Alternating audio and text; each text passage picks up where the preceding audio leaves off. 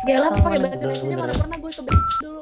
Aku sebut merek. Gak tau ya, gue mengsignalkan vibe Indo banget atau Komuk gimana. lo anjir. Buka koper, gue gak sadar kalau nyokap gue tuh bawa hal-hal yang kayak bayangin tudung saja nyokap gue bawa. Hai. Kembali lagi di podcast tentang luar negeri. Oke, berarti hari ini kita mau ngomongin tentang gimana awalnya kita nyampe di negara negara rantau kita masing-masing. Dari siapa ya? Siapa sih yang pertama kali berangkat? Itu kalau dari pertama berangkat sih lu, Cik. Oh iya, yaudah lu aja lah, lu dulu dah. Gua gua kuliah di Malaysia, sekedar mengingatkan kembali, mungkin udah pada lupa. Eh, pertama kali waktu gue nyampe sana sih gue udah sebenarnya udah siap, soalnya gue juga udah nge-research dan kebetulan ada saudara gue yang udah kuliah di Malaysia dulu, jadi gue bisa tanya-tanya ke dia. Jadi gue udah ada ekspektasi lah intinya tentang pertama kali nyampe di sana tuh kayak gimana. Yang gue nggak terlalu expect sih ini dari pengalaman gue sendiri ya. Jadi warga eh, orang Malaysia tuh agak lebih dingin dibanding warga Indonesia, walaupun kita itu istilahnya serumpun lah. Tapi waktu gue nyampe tuh gue kaget mereka udah hampir kayak orang bule lah ya. Jadi kalau nggak kita tegur tuh mereka nggak bakal negur. Jadi itu first impression gue, tapi overall sih gue suka ya. First impression gue itu baik, positif lah intinya. Oke, kalau Oke. misalnya ngomongin awal-awal sih, mungkin gue ceritanya dari gue masih di Indo dulu kali ya. Kebetulan waktu itu gue berangkatnya itu lumayan lebih awal dibanding yang lain, kayak Juni gitu. Yang lain kan masih masih Di preparation waktu itu. santai-santai. Apaan sih? Iya, waktu itu kan masih pada preparation terus kayak gue ngambilnya samar, jadi gue berangkatnya lebih awal. Nah, jujur waktu itu gak tahu ya, kayak waktu itu sempet maju mundur gitu loh, sempet nangis-nangis dulu karena takut aja, takut aja berangkat. Gue gak kebayang aja akan kuliah di luar sendirian, jauh. Terus adalah waktu satu bulan kerjaannya gue nangis setiap hari karena gue takut gue berangkat. gue takut gue berangkat bisa apa enggak jadi jadi orang di sini apa segala macam gitu kan. Karena waktu itu kebetulan di keluarga gue juga baru eh apa ya masih masih nggak siap lah untuk gue berangkat secara mental apa segala macam. Terus waktu Belum. itu gue lihat teman-teman gue yang mau kuliah di PTN juga masih nunggu hasil. Terus teman-teman yang mau kuliah di luar negeri juga masih santai lah. setengah masih satu bulan iya. Iya masih satu bulan dua bulan kemudian lah masih akan berangkat. Jadi gue masih kaget aja kalau misalnya gue bener-bener akan berangkat waktu saat itu. Ya mental gue belum belum apa ya belum siap lah waktu akhirnya saya pada suatu saat akhirnya gue berangkat dan ternyata yang nganterin banyak banget terus ya udah Oh iya. ya seneng aja Apa? Bannernya masih ada kok, Cik. Kalau mau. Oh iya waktu itu waktu itu gue dianterin pakai banner kayak rombongan haji. Akhirnya gue berangkat, nah nyampe sini kebetulan gue dianterin nyokap gue kan. Apa ya? Awalnya sih lebih ke gak ada first impression gimana-gimana banget ke bule-bule di sini karena ya udahlah kayak biasa aja cuman nyampe sini lebih kayak ngambang aja gak sih kayak Kayak ngambang lu masih nggak percaya lu udah nyampe sana gitu. Heeh, mental gue tuh masih mental kayak oke gue liburan aja bentar lagi gue balik lagi kayak Karena gimana masih nyokap lo juga gak sih di situ? Nah, Nah. iya, karena masih ada nyokap gue dan Karena masih dan, ada support system lah. Yang lu udah Iya. kenal lama. dan waktu itu dalam keadaannya kayak adik gue dan bokap gue akan nyusul aja gue mikir kayak oh ya udah liburan. Santai. palingan uh nah Liburan. mungkin yang suatu hal yang nampar gue juga di sana adalah waktu nyampe sana kan harus ngurusin bank harus ngurusin apartemen harus ngurusin ya inilah akomodasi apa segala macam itu. Terus kayak bentar lagi mulai sekolah orientasi segala macam. Yang bedanya gue shocknya adalah bener-bener harus ngurusin sendiri kan sedangkan dulu kalau gue sekolah aja SPP aja gue bisa nitip supir gue gitu kalau misalnya di sini kalau kalau misalnya di sini kayak apa-apa harus sendiri dan awalnya mungkin rada kendala bahasa apa segala macam gitu sih. Kalau hari pertama masuk sekolahnya, gue jujur masih mental anak Indo. Gue nyari orang Indo yang lain. Gue nggak tahu itu salah apa enggak, cuman ya waktu itu yang gue lakuin itu. Terus, eh nah kebetulan waktu itu gue masih kayak masih kelas internasional gitu. Jadi teman-temannya masih teman-teman Asia. Yang gue bikin gue rada apa ya, rada rada lega juga karena mereka tuh merasakan ketakutan yang sama kayak gue. Jadi pas gue ngobrol, terus gue denger juga Inggrisnya masih kacau apa segala macem, gue masih kayak oh ya udah kita sama, kita di kapal yang sama gitu. Nih gue menyambung punya Cika aja ya. Kisah gue mm. kurang lebih sama. Keluarga gue ikut ngantar juga ke sana. Terus gue cerita aja nih hari pertama. Gue jalan masuk ke gedung eh, IES. IES tuh nama college-nya di sana. Pokoknya gue excited banget nih mau kuliah dan sebagainya. Akhirnya gue langsung nyapa semua orang. Gue memperkenalkan diri gue ke semua orang. Tapi ternyata mereka malu-malu gitu ya. Nggak ngerti kenapa juga. Kayaknya mungkin agak tegang atau gimana. Terus pokoknya di cohort gue nggak ada sama sekali. Jadi benar-benar nggak ada orang Indonesia. Jadi gue nggak bisa tuh Cohort itu dengan ini? strategi. Gue nggak ada strategi mencari orang Indonesia lain karena nggak ada sama sekali. Akhirnya gue ya gue memperkenalkan diri ke semua orang dan sebagainya. Terus akhirnya gue disamperin sama kayak osisnya gitulah. Terus pas di kelasnya, nah yang ngomong tuh cuma satu temen gue dari Albania, namanya Bora. Ingat banget itu temen gue Bora. pertama. Gue masuk ke gedung itu, gue udah berusaha nyapa orang-orang, ternyata mereka tidak responsif. Akhirnya gue duduk aja kan. Nah masuklah nih si Bora dengan rambutnya keriting juga. Terus gue langsung wah apakah ini pertanda gue harus temenan sama dia gitu kan.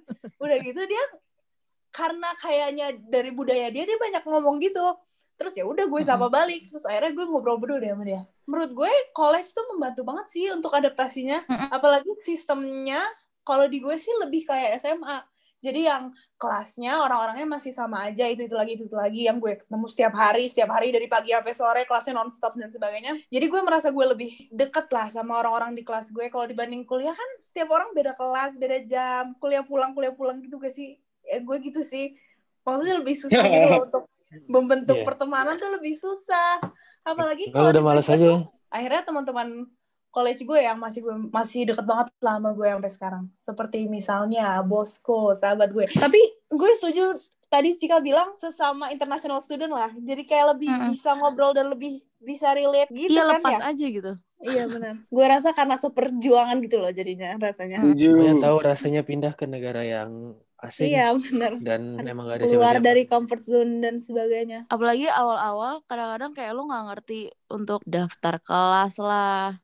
Terus kayak Iya, lo bener. nih hal-hal krusial tuh menurut gue kayak bank. Lo ya Allah ke bank iya banget ya kan? Umur berapa Hmm. sih lo ngurusin ke bank terus kayak harus pakai ya bahasa lain. Ya terlepas lo jago bahasa Inggris apa enggak, cuman lo ngurusin ya lah pakai bahasa Indonesia mana Bener. pernah gue ke dulu Kok lo sebut Eh, merek? tolong, tolong. oh iya Merek, merek, merek.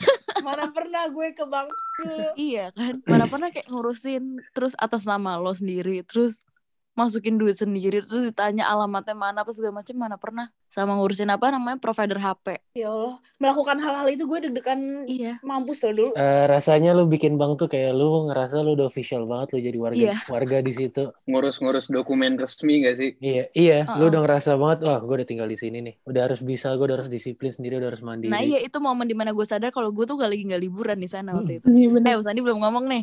Ya gimana? kalau misalnya gimana Pertama kali datang atau pertama kali Mm-mm. masuk sekolah? Dua-duanya. Oke, gua kasih pemberitahuan dulu. Antara gua datang dan gua masuk sekolah tuh masih kayak ada tiga bulan lebih, empat bulan gitu gua baru masuk. Mm-mm. Nah, pertama kali gue dateng nih, eh gue kebetulan masih berumur 17 tahun. Dan berdasarkan aturan Jerman, di Mm-mm. bawah 18 tahun tuh belum dianggap sebagai seorang adult. Jadi gue gak bisa sebebas itu pas nyampe. Nah, kebetulan gue reach out, gue minta tolong, ada temen kakak gue, namanya Rafilah, dia membantu gue, dan dia menjadi wali gue secara tertulis. Untuk ngebantu gue ngurus bank, ngurus uh, cellphone provider, ngurus ini itulah pokoknya kayak gitu.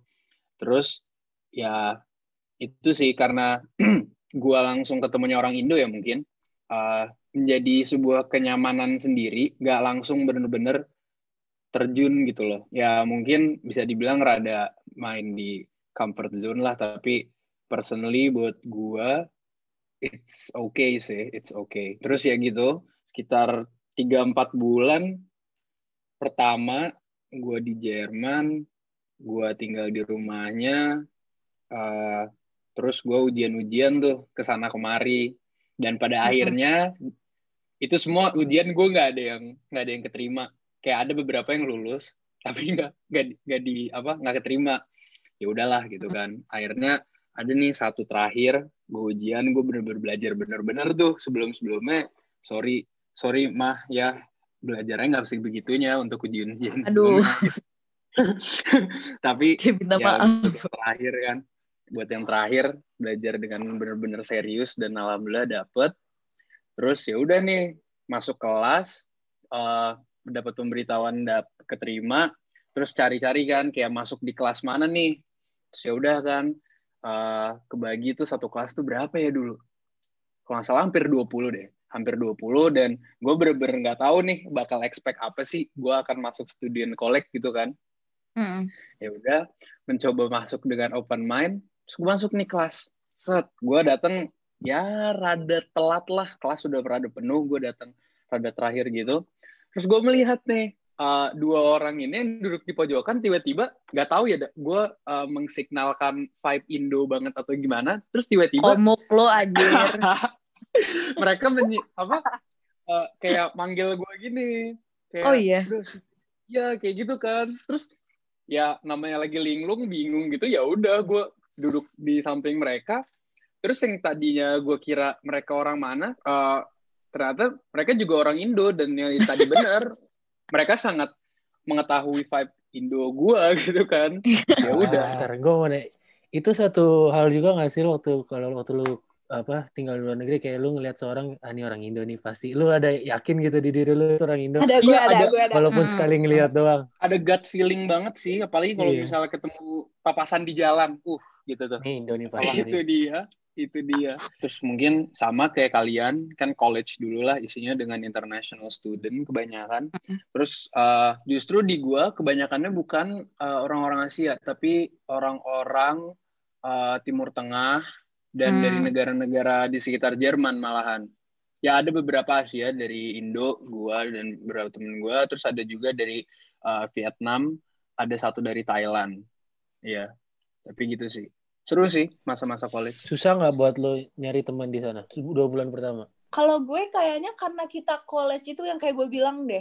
Mm-mm. Jadi masih semuanya senasib gitu. Gue ketemu sama mereka seharian terus pulang, ketemu lagi terus pulang lagi masih kayak gitu Mm-mm. sih. Terus karena eh, sama-sama masih belum banyak temen, jadi saling nyari dan jadinya intens hangoutnya juga. Benar benar benar benar setuju. Iya kan? setuju. iya Nah, tapi setelah itu hilang teman-teman gue gitu. kalau Hanyut Kalau gue temen yang pertama kali gue dapet sampai sekarang masih dekat. Sampai kita tuh akhir eh, dua tahun terakhir tuh akhirnya nyewa tuh apartemen bareng-bareng berlima. Dan Mm. kebetulan gue doang yang orang Indonesia, yang empat Mm. lagi lokal sana. Jadi waktu jadi ada untungnya juga sih buat gue. Jadi mereka bisa nego lah, apalah. Jadi gue Mm. ikut aja. Kalau mus apanya tuh temennya akhir akhirnya tuh nih nyambung tadi. Akhirnya lu temenan gak sama dua orang yang manggil lu itu di kelas? kebetulan itu yang salah satu di antara dua itu menjadi housemate gua Hah, Nah, siapa? Kayak gue dong. Ito shout out Ito Itu. jangan lupa eh, Ito dan David yang memanggil gue di hari pertama gue di college shout out oke Lanjut. Life changing. Eh, terus eh, ya udah sih kalau yang sama orang Indo ya biasa klopnya cepet gitu kan terus sama yang orang-orang eh, di kelasnya juga tadi Anya bilang kayak temu juga tiap hari kelasnya itu itu aja ya kan ya udah gitu Tapi ada satu cara, cara yang selalu gue lakuin di tiap kelas baru adalah, misalnya lo di kelas baru lo gak kenal siapa-siapa. Terus lo masuk ke kelas, lo cari yang muka-mukanya kira-kira friendly. Friendly. Terserah lah Friendly. cowok. Bener bener tapi- bener bener. ya yang kan? gak intimidating kan? Iya, terus gue duduk sebelahnya, abis kelas ngobrol-ngobrol, misalnya nanya, eh itu apa sih maksudnya apa nanya-nanya, terus akhirnya di akhir kelas lo minta nomor telepon, udah udah itu trik gue. Tapi emang kalau kayak gitu abisnya lu, lu jadi berbincang. Kok gue punya Facebook orang jadi banyak sih teman gue di Facebook tapi gue gak ngobrol juga. Sekedar teman Facebook doang. ngobrolnya urusan Hmm. entar, cuman masalah kelasnya lu aman. yang penting yang penting Oh, kenal bener, dulu bener, ya. Iya. Bisa diskusi pelajaran gitu-gitu maksudnya. iya, PR segala macem gitu. Dikasih contekan dikit gitu. Mm-mm. Tipsnya. iya bener, apalagi kalau misalnya dia baik, iya. Kan Hmm, gue punya gue punya pertanyaan. Kan Hmm. jatuhnya kan pas tiba di negara masing-masing kan jatuhnya nggak langsung bertemu dengan uh, orang-orang sana langsung native-native-nya. Kan Hmm. ya kita ketemu dulu sama international students juga. Nah dari situ kan berarti kan banyak intercultural interactions gitu. Nah Mm-mm. apa mungkin satu dua culture shock yang kalian alamin bisa dengan uh, negara yang bersangkutan, negara yang lu tinggal, atau dengan teman-teman internasional lu? Oh gue punya, gue punya. Di kelas gue banyak orang Asia kan, tapi ada teman gue sih ya. eh, Bora itu yang dari Albania satu orang. Nah terus akhirnya gue rada ngegeng tuh, grouping sedikit lah. Isinya gue, Bosco, eh, Bora, dan ada beberapa orang lagi dari Hong Kong. Pokoknya Bosco dan tiga orang lagi dari Hong Kong, terus ada lagi dari eh, Vietnam juga satu kan. Nah ternyata ya mungkin gak tahu ya, gue tidak mau ekspektasi aja kalau orang-orang dari Asia, terutama yang deket-deket kita tuh mirip banget sama kita culture-nya. Dan Oh, iya. segala sesuatunya gue nyambung banget aja. Ya, kayak, udah udah tahu- sama tahu lah. "Ah, terus gue banyak banget hal-hal yang kayak, loh, lo gitu juga? Lo paham juga maksud gue apa? Bahkan dengan misalnya kita ngobrol aja masih setengah-setengah broken English aja gue di hati gue di hati gue ingin gue sampaikan tuh dia paham banget gitu Oh iya iya setuju. ya kayak kayak kayak gue berusaha nge- ngejelasin kalau ini sekarang nah dia juga bisa nangkep gitu karena Ya, cara berpikir itu mirip kali ya Udah langsung tahu aja. Terus yang mirip juga biasanya tuh karena itunya apa didikan orang tua kan. Didikan Ya, orang tua sama aja. budaya budaya sekitar lah. Kalau gue sih ya nggak beda jauh ya, karena ya cuman ya lu ngesot nyampe negara yang gue tinggalin. Tapi ya itu aja yang gue kaget. Ini dari pengalaman gue ya, bukan menstereotipikal kan lagi. Ya Hmm. eh, orang-orang beberapa orang orang Malaysia pertama yang gue temuin agak dingin.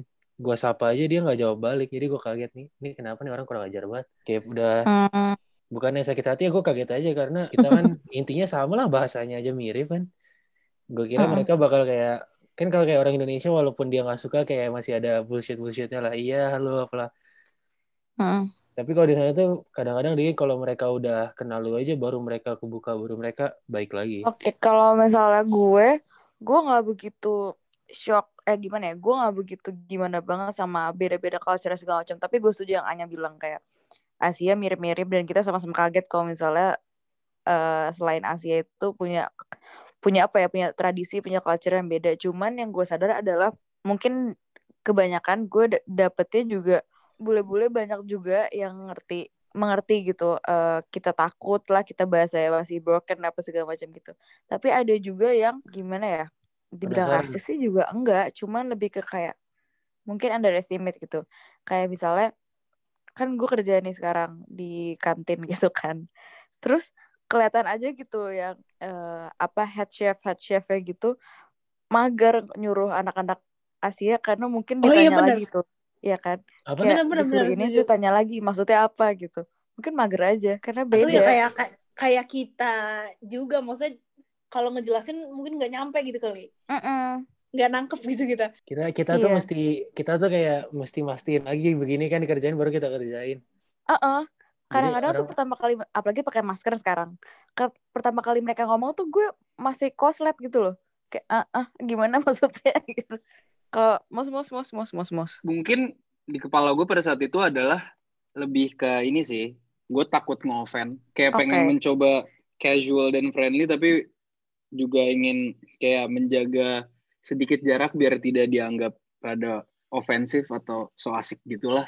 Tapi overall yang gue tangkep sih selama lu nice and friendly and polite mau orang dari mana pun juga akan tetap baik bakal apa ya welcome and friendly juga ke lu iya setuju. Ya mungkin berapa beberapa case beda cuman overall kayak gitu sih yang gue lihat. Dari yang gue perhatiin lagi tuh kalau kita bisa ngomong pakai dialek mereka, mereka tuh langsung bener-bener kebuka gitu. Mm-mm. Langsung- kayak pasti nanya lo langsung dulu baik banget. pernah tinggal di sini Iya, dia nggak nge-expect kita bisa ngo- ngomong dialek mereka walaupun di pengalaman gue bahasa 11-12. oh lo, lo conversation gitu pakai bahasa Inggris atau pakai bahasa Malay sih Tergantung, kalau sama temen gue biasanya pakai bahasa Inggris. Tapi kalau kayak di Grab atau kayak pesan makan gitu, ya gue Hmm. lihat-lihat orang juga. Soalnya maksudnya berarti kalian ngobrol sama teman-teman Indo juga pakai bahasa Indo kan? Iya lah, Mm-mm. Maksudnya gue kira kalau misalnya di Malaya merasa ah, udahlah bahasa kita mirip kita pakai bahasa ibu aja gitu. Oh itu enggak, lu malah pakai bahasa Inggris malah pada. justru kalau gue ngomong bahasa Indonesia, orang Malaysianya tuh jarang ngerti. Soalnya mereka merasa tuh kalau orang Indo ngomong tuh kecepetan kayak kita nge-rap. Oh. Terus yang kalau ketahuan banget lo orang Indo atau enggak tuh kalau misalnya lo jalan sama orang tua lo gak sih? Eh orang tua, maksudnya kayak lo ngelihat anak Indo jalan sama orang tuanya. Terus orang tua itu kelihatan banget kalau orang Indo, ya gak sih? Orang tua Oh. lu Oh, bukan nih. nih. Di ini disclaimer Apa? bukan mau nge-shade, cuman Mm-mm. salah satu eh, kayak tell kalau misalnya itu adalah orang Indo tuh dari ini gak sih? Model hijab. Ah iya persis, bener. Apalagi Ya, gue di Kalau kalau apalagi gue di Malaysia, bener. apalagi gue di Malaysia tuh kelihatan banget. Jadi kalau orang Sama Brunei, Malaysia beda ya? orang Malaysia, orang orang Malaysia, orang Brunei sama orang Indonesia tuh punya model hijabnya sendiri-sendiri. Sama biasanya dari itu gak sih? Dari kalau nggak sepatu sendal. Ada loh orang-orang di sini pas swallow masih. Eh jangan salah, gue juga masih pakai swallow. Gue Nah, gue itu- bener, gue ini gini cik, gue kasih kata cerita nih. Gue pas pertama kali datang ke sini, kalau nggak salah, gue lupa bawa sendal swallow malahan. Terus pas gue pulang ke Indo, itu gue sengaja tuh taruh di list gue things to bring back to Germany, itu sendal swallow cik. Jangan salah. Oh, Cik. nah nyambung ke mus nih. Kalian waktu berangkat tuh hal apa sih yang bu- apa ya hal unik apa, things unik apa yang kalian harus banget bawa dari Indo? Entar Indomie. makanan Mul- lah atau Indomie. Jujur Indomie. lah kan di Malaysia emang kenapa Indo? Ya? Di Iya. Malaysia tuh Indominya kayak Indo mie goreng ya, itu ada dua. Yang satu rasanya sama kayak Indonesia, ada yang satu lagi rasanya beda. Nah, yang rasanya Oh, sama itu produksi sana. Enggak, enggak, enggak. Produksi Indonesia tapi buat market di sini. Rasanya tuh beda. Oh. Disesuaiin ya? Iya. Sama kurang micin gak sih? Gue juga di sini gak suka Indomie Kayak sini. kurang kayak kurang garam aja ya, kayak kurang micin sih. Kemungkinan sih MSG-nya kurang. Mas apa? Gue waktu itu apa? Gue bawa bumbu, wah bumbu-bumbu saset Wah, iya. itu sangat Oh iya bener penting bener sih. bener bener. menurut gue sangat penting itu bumbu-bumbu saset. Kayak di Indo berapa sih satu sasetnya? Wah jangan. Aduh ribu, jangan main kurs dah gue. Lima ribuan. Oke, itu penting banget sih bumbu. Kayak sangat cepat gitu loh untuk Mm-mm. masak dan makan gitu loh. Ya mohon maaf kalau harus nge harus ngegerus sendiri. Emang ada bahan-bahannya di sana. Ada, juga Oh. sih. Ada sih ada harganya itu. Hmm, iya sih harganya bercanda sih.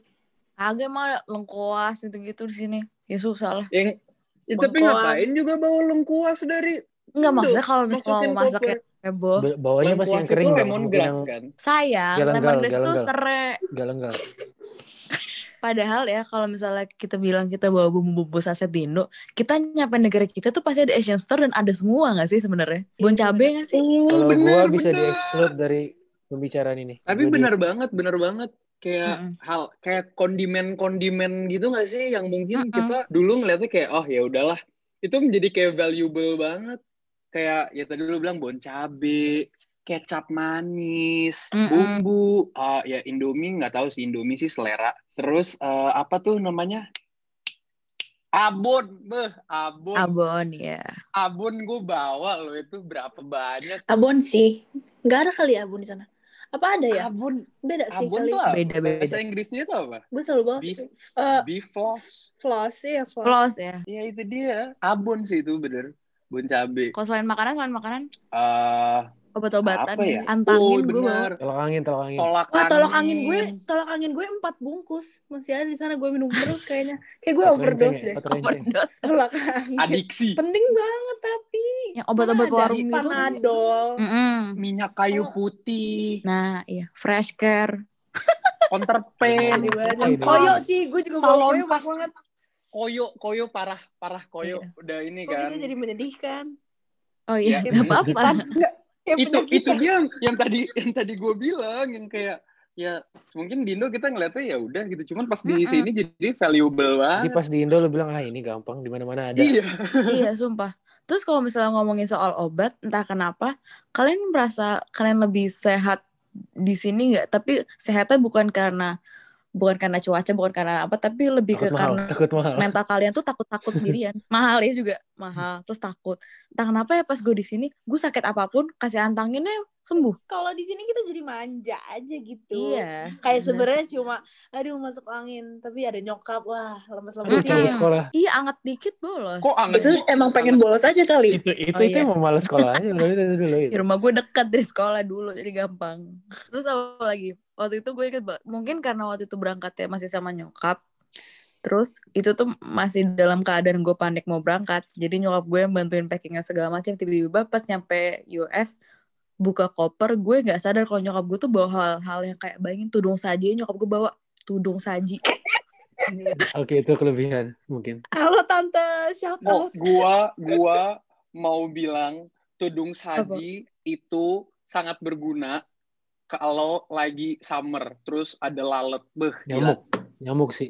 setuju banget gue sama tudung tudung saji di bawah nice Tapi tudung saji yang di Indo kan biasanya kegedean. Jadi bawahnya tuh tudung, tudung saji yang buat bayi tidur tuh gak sih? ah Nah itu Buat tidur ke- kan bayi itu tidur. kelambu anjir. Itu kelambu namanya bukan, tudung saji. Bukan, ih dengerin dulu yang buat bayi tidur. Kalau Itu tidur kan bayi kelambu namanya. Ya tapi tudung saji pun maksudnya yang Ini kayak semakin kalian berdebat, semakin kelihatan rada kurang tahu gitu.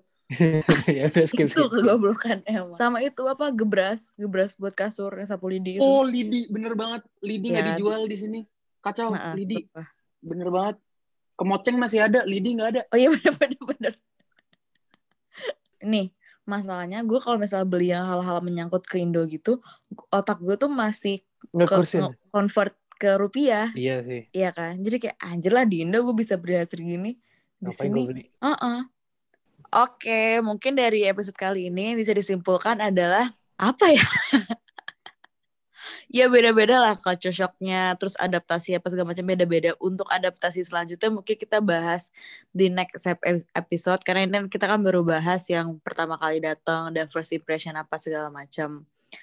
eh mungkin segitu dulu untuk episode kali ini. Gitu aja sih. Sampai bertemu di episode selanjutnya. Dadah! Dadah. Dadah.